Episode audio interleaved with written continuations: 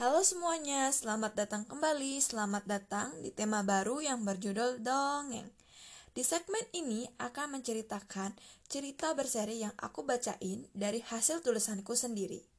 Tanpa berlama-lama lagi, mari kita simak ceritanya. Di bawah payung. Chapter 1. Hujan turun dengan derasnya. Ini masih bulan Juni, tapi sudah turun hujan. Ia menghela nafasnya. Tangannya terentang melewati atap tempat gedung ia berteduh.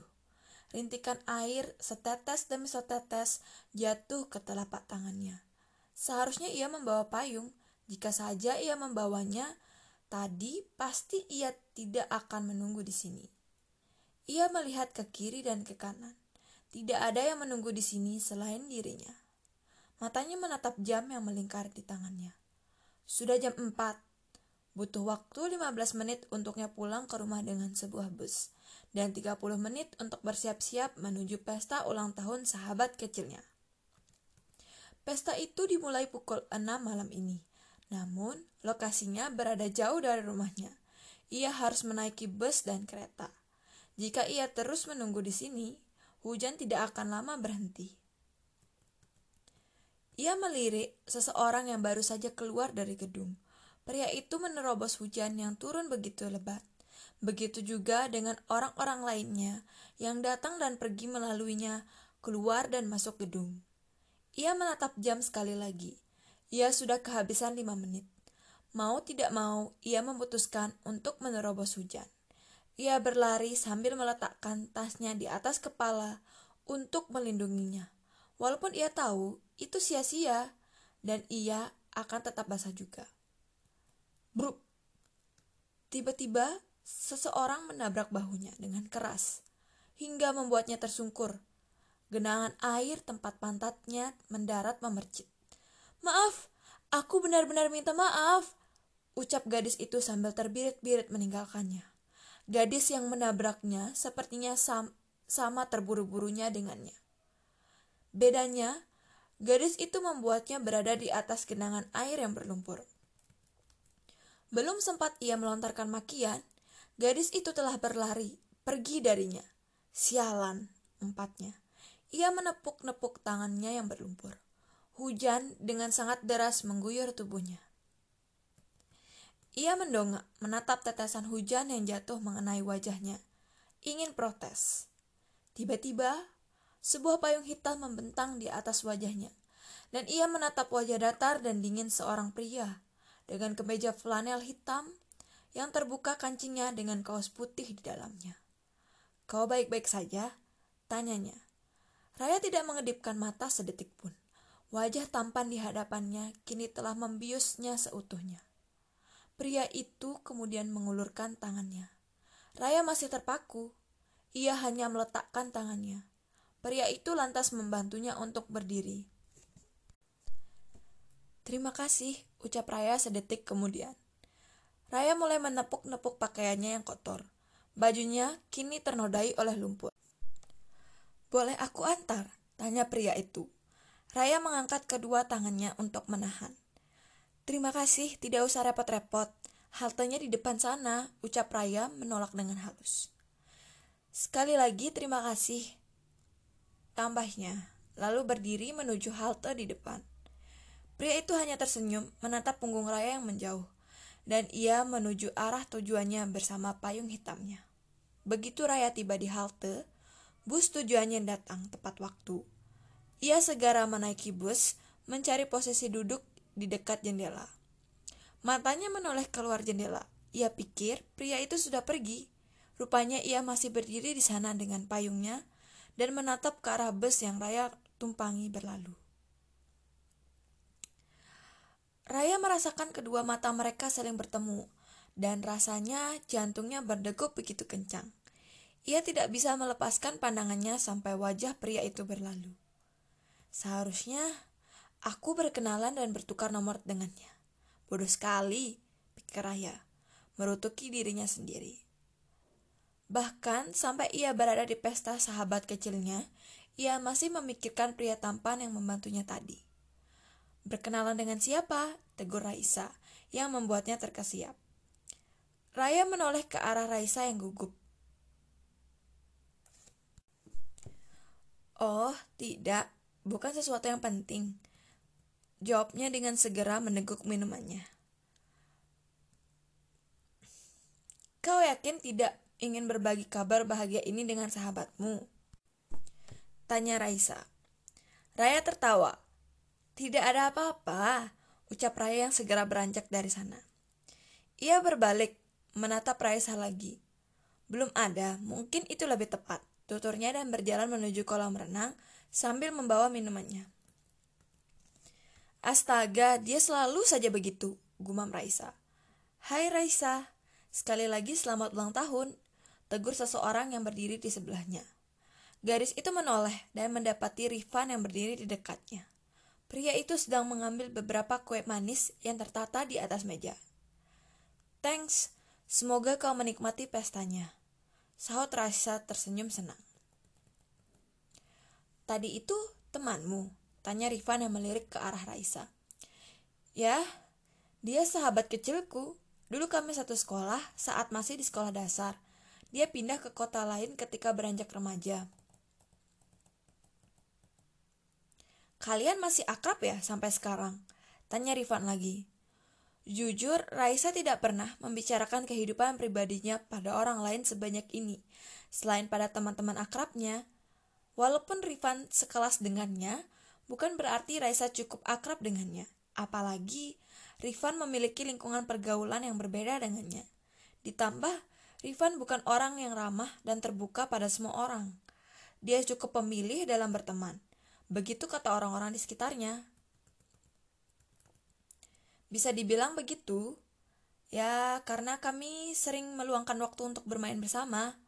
Kadang-kadang ia menghabiskan waktu libur musim panas di rumah lamanya. Jadi, kami lebih sering bertemu. Jelas Raisa.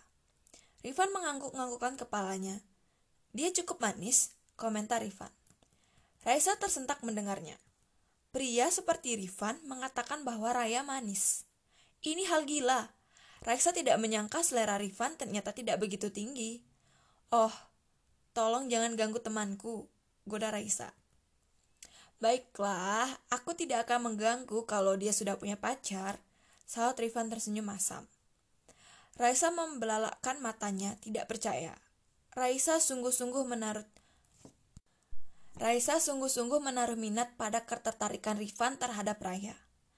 Raisa pikir Rifan hanya berusaha untuk sekedar memuji.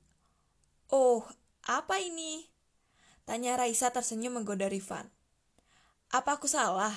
Jawab Rifan, balik bertanya sambil menyunggingkan senyumnya. Baiklah, mungkin bukan untukku, sambungnya. Kuenya sangat enak, puji Rifan dan segera beranjak dari sana. Raisa menoleh meng mengikuti punggung Rifan yang bergerak. Rifan, panggil Raisa. Rifan menoleh. Raisa menyunggingkan senyumnya. Mau ku bantu?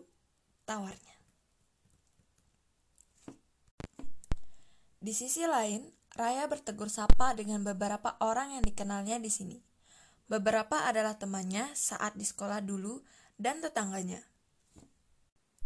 Sisanya adalah teman-teman Raisa yang pernah dikenalkan sahabatnya itu padanya. Banyak yang berubah pada teman-teman kecilnya, termasuk Raisa. Sungguh, gadis itu bertambah cantik, dan ia sepertinya sudah jadi Raisa yang sangat gaul dari Raisa si pendiam yang cengeng. Mungkin arus pergaulan yang menjadikannya seperti itu.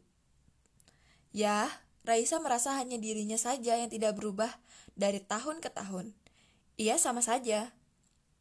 Raya, panggil Raisa yang membuat Raya meminta maaf kepada teman-temannya untuk keluar dari obrolan sejenak. Ada apa? Tanya, tanyanya. Ada sesuatu yang penting, apa? Sepertinya kau selalu menganggap segala hal sesuatu itu penting. Dengarkan ini. Sepertinya hari ini adalah hari keberuntunganmu. Maksudmu? Tiba-tiba, Rifan berjalan ke arah mereka bersama Aril. Hai Aril, apa kabar? Sapa Raya. Baik, kau sendiri? Tanya Aril. Beginilah sahut Raya. Ariel adalah kekasih Raisa, dan mereka sudah berpacaran selama setahun. Dan berdasarkan cerita Raisa tentang teman-teman di sekolah Ariel dan Raisa, Ariel memiliki pergaulan yang jauh berbeda dengan Raisa. Itulah mengapa Raisa sangat sering merasa tidak percaya diri setiap kali bersanding dengan Ariel. Raya menatap pria yang berdiri di dekat Ariel. Pantas saja Raisa merasa tidak percaya diri. Lihat saja, pria yang berdiri di dekat Ariel ini, tampannya di atas rata-rata, dan gayanya yang sangat kekinian. Sedari tadi juga Raya memperhatikan pria itu berkumpul dengan gadis-gadis yang sepadan dengannya. Bersama Ariel, padahal menurut Raya, Raisa sudah cukup keren. Ternyata teman-temannya ada yang lebih keren. Ya, sama seperti teman-teman Raya di sekolah, akan ada kelompok anak-anak yang keren yang mendominasi. Oh ya, Raya, perkenalkan, ini Rifan. Dan Rifan, ini Raya. Tutur Raisa. Rifan mengulurkan tangannya. Cukup membuat Raya terkejut. Ia pikir pria sekeren Rifan tidak ingin berjabat tangan dengannya. Senang berkenalan denganmu, ucap Raya, segera membalas uluran tangan Rifan. Bagaimana kalau kita bermain game bersama? Ajak Raisa. Semua orang setuju. Dengan ajakan dan mereka bermain sebuah permainan melempar bola ke dalam gelas. Jika tidak masuk, maka yang kalah harus minum dan aturan itu diusulkan Rifan.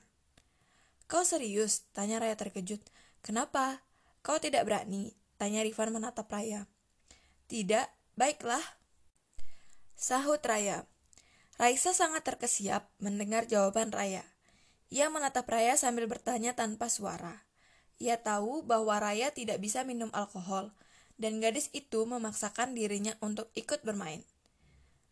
Aku ingin terlihat keren dan tidak terlihat payah di hadapan teman-temanmu bisik Raya. Tunggu, bagaimana kalau aturannya dirubah? Jika bolanya tidak masuk, harus menjawab jujur pertanyaan dalam tumpukan ini, dan jika dia tidak bisa menjawab, maka ia harus minum. Bagaimana? Tawar Raisa. Gadis itu sepertinya mencoba melindungi sahabatnya. Ia tahu betapa lemahnya Raya. Bukan ide yang buruk, saut Aril. Akhirnya mereka memulai permainan dengan tujuh orang. Raisa mendapat kesempatan pertama melempar. Aku harap bolanya tidak masuk, gumam Aril. Hah, seru Raisa. Ia bergembira ketika bolanya tepat masuk ke dalam gelas. Ia menoleh menatap kekasihnya. Sepertinya hari ini adalah keberuntunganku, ledek Raisa. Selanjutnya giliran Aril dan sialan. Doa Raisa terkabul. Lemparan Ariel meleset. Oke, kau ingin bertanya apa Nona Manis? Tanya Ariel menatap pacarnya. Raisa mengambil satu kartu. Ia menatap tajam Ariel sambil menarik ujung bibirnya ke atas membentuk senyum kemenangan. Apakah kau pernah berbohong pada pacarmu? Jika iya, alasannya apa? Tanya Raisa. Ariel tertawa mendengarnya. Kau berjanji tidak akan marah. Tanya Ariel pada Raisa, dan gadis itu mengangguk sebagai jawaban. Raya yang berada di sana merasa pertanyaan ini sungguh canggung antara sepasang kekasih. Ariel memilih untuk tidak menjawab. Ia justru memilih untuk meminum bir yang dituangkan dalam gelas. Kau tidak berani? Jawab tanya Raisa. Cuma Cuma kamu yang aku sayang. Ayolah, ucap Ariel yang memeluk Raisa dan mencium keningnya. Kenapa kau minum? Tanya Raisa. Sebagai jawaban tidak pernah, ucap Ariel. Raya mendengus. Ia merasa tidak percaya dengan ucapan Ariel. Ia sangat yakin pria itu tengah berbohong dan takut untuk menjawabnya karena khawatir terjadi sesuatu di antara dia dan Raisa. Selanjutnya giliran Rifan untuk melempar. Sayangnya ia sangat payah dan bolanya melesat. Kali ini, Ariel yang mengambil satu kartu untuk Rifan. Siapakah di antara kita? Ucap Ariel tersenyum.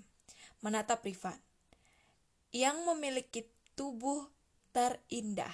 Lanjutnya, Ariel sangat menunggu jawaban Rifan. Di antara kita semua yang berpartisipasi, Selain mereka berempat, terdapat Henry, Varian, dan Rose. Raya baru mengenal mereka beberapa detik yang lalu.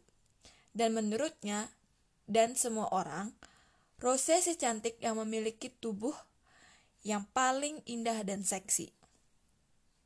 Ariel sangat tahu bahwa Rose sangat menyukai Rifan. Begitu juga sebaliknya. Ia tahu sahabatnya itu adalah sosok yang cupu untuk mengungkapkannya, dan Ariel merasa ini adalah kesempatan Rifan untuk mengungkapkan perasaannya. Raya, ucap Rifan. Detik itu juga Raya merasa wajahnya memerah terkejut. Rifan bahkan mengucapkannya tanpa menatapnya. Semua mata memandang, memandang Raya seakan ada yang salah dengan jawaban itu. Begitu juga dengan Raya. Raya merasa Rifan salah. Lihat saja penampilan Raya sekarang. Tidak ada menunjukkan lekukan tubuhnya sedikit pun. Bahkan tubuhnya tertutup oleh kulot panjang dengan atasan kaos longgar dan jaket jeans kebesaran. Ia sendiri heran mengapa Rifan menyebut namanya. Wow, kurasa seleramu berubah sekarang, komentar Ariel. Rifan tertawa, begitu juga dengan Raisa. Aku merasa kau sedang mencoba meledek, bukan? Tanya Rose dengan yakin. Benar, Raya rasa apa yang dikatakan gadis berambut pirang itu benar. Lihat saja, di antara dia, Raisa dan gadis itu, dialah yang paling tidak menarik dan tidak terlihat seksi. Rifan menoleh ke arah Rose dengan raut wajah seriusnya. Tidak, aku serius. Bahkan dia lebih cantik darimu. Jadi perhatikan dirimu baik-baik. Sahut Rifan. Itu adalah salah satu tembakan yang berhasil membuat Rose terbungkam seketika. Tidak mengatakan sepatah kata pun. Kini giliran Raya. Ia melemparkan bolanya sambil harap cemas. Bolanya meleset, seperti dugaannya. Oh, baiklah, gumam Raya kesal. Ia menoleh pada Rifan, dan kali ini giliran Rifan yang mengambil kartu untuknya. Di antara semua pria di ruangan ini, jika hanya ada mereka yang harus kamu pacari, pilih salah satu yang berpotensi, ucapnya. Pertanyaan yang sangat mengerikan. Bisa saja Raya menyebutkan nama Rifan, karena tidak mungkin ia menyebut nama kekasih sahabatnya. Namun ia merasa ketegangan di antara Rose dengan dirinya dan Rifan akibat pertanyaan sebelumnya. Bahkan sedari awal, Raya bisa merasakan Rose menyukai Rifan karena gadis itu selalu mencari perhatiannya dan Raya tidak ingin membuat masalah dengannya. Jadi tersisalah Henry dan Varian. Jujur, mereka bukan sama sekali tipe Raya. Henry memiliki tubuh sangat gempal, sementara Varian memiliki tubuh terlalu kurus untuknya. Sial. Aku merasa kau akan sangat cocok dengan varian, ledek Rose. Garis itu sangat menyebalkan. Mau tidak mau, hanya ada satu pilihan, dan Raya memilih untuk meminum. Raisa menatap Raya dengan khawatir. Baiklah, mungkin satu tegukan saja tidak akan berefek apa-apa pada Raya. Permainan berputar kembali, dan kini giliran Rose. Raya mengambil kartu untuknya. Ia membaca pertanyaan yang tertulis namun entah kenapa, ia sedikit ingin mengerjai gadis itu. Ia tidak membacakan pertanyaannya, tapi ia membuat pertanyaannya sendiri. Apakah di ruangan ini ada pemain yang kau sukai? Tanya Raya. Ia sangat yakin gadis seperti Rose tidak akan menjatuhkan harga dirinya untuk mengungkapkan perasaannya lebih dulu. Benar, Rose mengambil gelas minuman. Kau pikir Aku akan takut untuk menjawabnya, tantang Rose. Rifan, jawab gadis itu dengan lugas dan meletakkan kembali minumannya. Wah, shit man. Apa kau tidak dengar itu? Seru Henry menepuk pundak Rifan. Permainan pun bergulir kembali dan banyak dari pertanyaan yang ada tidak bisa Raya jawab dan ia memutuskan untuk minum. Sudah ada tiga gelas yang ia minum, dan Raya sudah merasa sempoyongan. Kini giliran Arel yang bertanya pada Rifan. Jika kamu terdampar di sebuah pulau dengan satu orang yang kamu kenal di sini, siapakah yang ingin menjadi orang itu? Tanyanya. Raya. Lagi dan lagi Rifan menyebut namanya dan membuat Rose semakin memanas. Raya semakin merasa tidak enak dengan Rose yang menatap sinis ke arahnya. Raya tidak mengerti apakah Rifan berusaha membuat Rose cemburu atau bagaimana.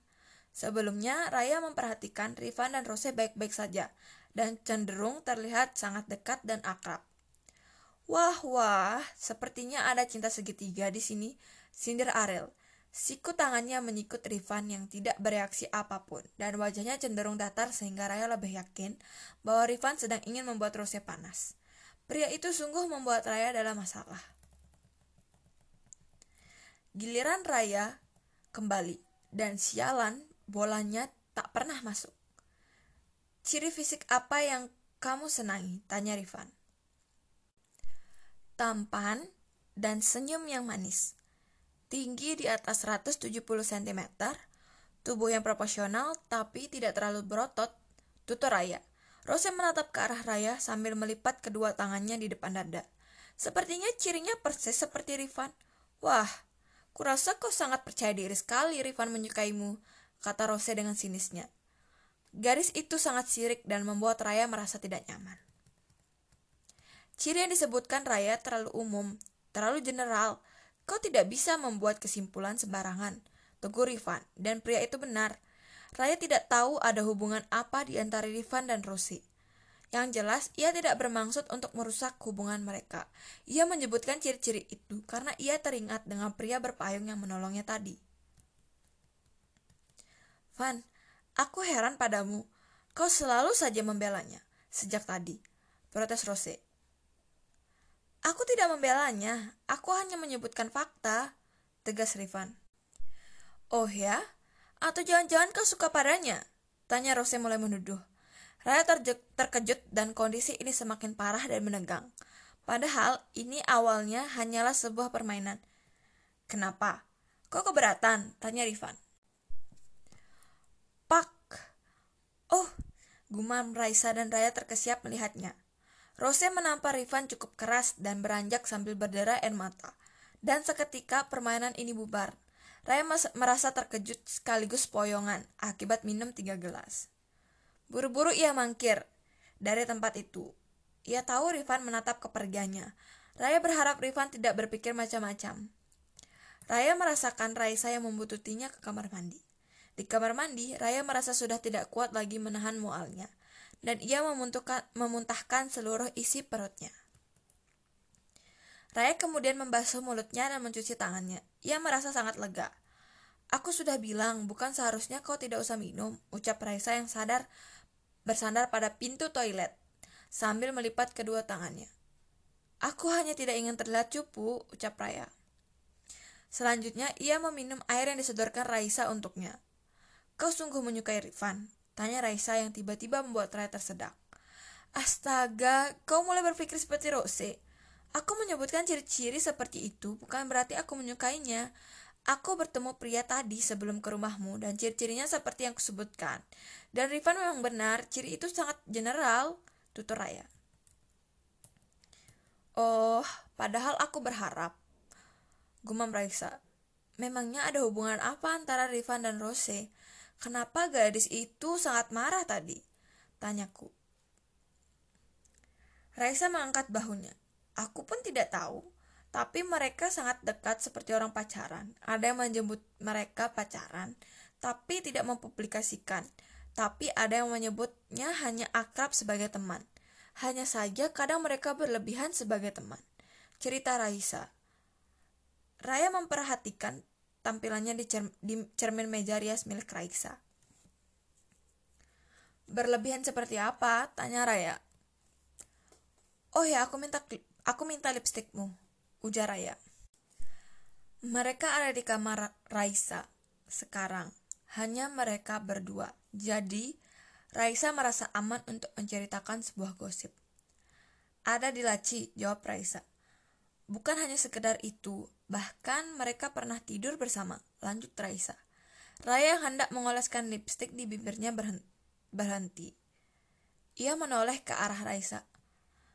Maksudku ya mereka sudah melakukan hubungan, terang Raisa. Shit, mereka teman bukan? Aku heran dengan orang yang berteman dan bisa melakukan hal itu dengan temannya sendiri tanpa perasaan apa pun. Ya, begitulah. Segala sesuatu dapat terjadi. Waktu itu pesta ulang tahun Sasa di vilanya dan Kim melihat mereka dengan kedua matanya. Aku juga heran, aku tidak pernah melihat Rifan serius punya pacar. Banyak gadis yang dekat dengannya dan ya hanya seperti itu, jelas Raisa. Raya telah selesai merapikan kembali penampilannya. Semoga mereka berbalikan lagi. Jujur, aku tidak ingin terseret dalam masalah mereka, kata Raya. Tapi sepertinya tidak mungkin. Kenapa? Lagi pula aku tidak satu sekolah dengan kalian dan kita tidak akan bertemu lagi. Aku merasa Rifan tertarik padamu, kata Raisa. Kau sudah gila, seru Raya menggeleng. Mereka segala keluar, dan saat Raya membuka pintu, lihat siapa yang berdiri di depan pintu. Orang yang baru saja mereka bahas, Rifan. Raya menelan ludahnya saking terkejutnya begitu juga dengan Raisa. Mereka bersyukur karena kamar Raisa kedap suara, dan Rifan tidak akan mendengar obrolan mereka yang bergosip tentangnya. Oh, hai, aku ingin minta es batu dan handuk untuk mengompres, ucap Rifan, mengalihkan pandangan dari Raya menuju Raisa. Sebentar, kata Raisa. Ray, tolong bantu ambilkan es di bawah. Sambungnya, pada Raya. Raya pun bergegas turun. Duduklah, ucap Raisa menyuruh Ivan masuk dan menunggu di sofa kamarnya. Sementara, ia mencarikan handuk kecil di lemarinya. Sejujurnya aku merasa bersalah pada Raya. Dia pasti merasa tidak nyaman, ucap Rifan. Ya, dia tidak mau terseret dalam masalah kalian. Dia hanya ingin bersenang-senang dalam permainan saja tadi tutur Raisa. Ia menarik sebuah handuk yang berada di tumpukan terbawah yang sus dengan susah payah. Sejujurnya, aku tidak memiliki hubungan apa pun dengan Rose. Gadis itu terlalu berlebihan, komentar Rifan. Raisa menyerahkan handuk itu pada Rifan. Tentu saja berlebihan karena kau meresponnya terlalu berlebihan, kata Raisa. Rifan tersenyum masam. Ya, kau benar. Aku tidak yakin kau sungguh menyukai Raya. Dengar, dia berbeda dengan Rose, bahkan denganku. Dia sangat polos. Rifan tertawa. Sontak Raisa menyorotnya dengan tajam, dan pria itu menghentikan tawanya. Aku rasa kau tahu itu, dan jangan coba-coba memper mempermainkannya. Apakah aku tidak terlihat serius? Tidak sama sekali. Bahkan mendengar kau memujinya saja aku tidak percaya. Sungguh, aku serius. Temanmu sangat cantik dan memiliki tubuh yang indah. Ya, mungkin hanya perlu memperbaiki penampilannya sedikit, ucap Rifan. Aku harap kau menjaga otakmu semua itu jika bersamanya. Kalau tidak, aku akan menghajarmu. Ancam Raisa. Selepasnya ia beranjak pergi untuk menghampiri tamu-tamunya yang menunggu di bawah dan membiarkan Rifan menunggu Raya membawakan es batu untuknya. Beberapa menit kemudian, Raya datang dengan baskom berisi es batu. Maaf membuatmu menunggu lama, ucap Raya begitu tiba. Ia memberikan es batu itu kepada Rifan. Garis itu hendak beranjak, tiba-tiba Rifan menahannya. Bisakah kau membantuku untuk mengompresnya? Tanya Rifan. Oh, baiklah, jawab Raya terpaksa. Ia membantu Rifan untuk mengompres pipi pria itu yang bengkak karena terkena tamparan maut Rose. Haning, tidak ada yang berbicara. Raya menatap fokus pada bagian lukanya. Ia takut salah tingkah. Ia sadar Ivan sedari tadi menatapnya dan membuatnya sedikit kikuk. Maaf, karena aku kalian harus bertengkar. Aku tidak bermaksud apa pun. Ucap Raya mencoba mencairkan suasana. Apakah kami terlihat seperti sepasang kekasih? Tanya Rifan. Begitulah. Aku tidak ada hubungan apa pun dengannya. Dia hanya teman. Mungkin Rose menaruh hati padaku, jelas Rifan. Raya tidak menjawab panjang, ia hanya beroh saja. Lagi pula, ciri yang kau sebutkan kurang spesifik, tambah Rifan. Ya, kau benar, itu tidak spesifik dan itu bukan kau, ucap Raya. Tentu saja ucapannya sangat menusuk di hati Rifan, dan mendadak saja keadaan menjadi hening. Raya bisa merasakan kecanggungan yang tercipta kembali. Deham Rifan, memecahkan keheningan. Apakah aku tidak cukup tampan? Tanya Rifan. Raya meletakkan es batu di dalam baskop. Ia menatap Rifan sambil tersenyum. Senyuman yang sangat manis yang berhasil membuat Rifan merasa hatinya berdegup sangat kencang. Kau sangat tampan, kata Raya. Tapi bukan berarti aku suka padamu. Mengagumimu bukan berarti jatuh cinta, lanjutnya. Raya kembali mengompres pipi Rifan dengan es yang dibalut handuk. Lalu bagaimana cara membuatmu jatuh cinta? Raya mengangkat bahunya ke atas, tidak tahu. Apa kau tidak pernah jatuh cinta? Pacaran misalnya? Raya tertawa mendengar pertanyaan Rifan. Tentu saja pernah. Terakhir sudah lama dan tidak berhasil. Dia bilang aku membosankan kurang menarik. Cerita Raya. Kapan? SMP kelas 2. Astaga, itu lama sekali. Dan kalian bahkan masih bocah ingusan. Bisa-bisa kalian mengatakan hal itu? Dia tidak salah, sahut Raya ia menyudahi untuk mengompres Rifan. Kau sudah merasa baik kan? Tanyanya. Pria itu menganggukkan kepalanya. Terima kasih. Jawabnya. Raya hendak beranjak dari tempat duduknya. Kau belum menjawab pertanyaanku, cegah Rifan. Aku tidak tahu, mungkin berjalan begitu saja, sahutnya. Bersambung. Jangan lupa untuk menantikan episode berikutnya. Sampai jumpa.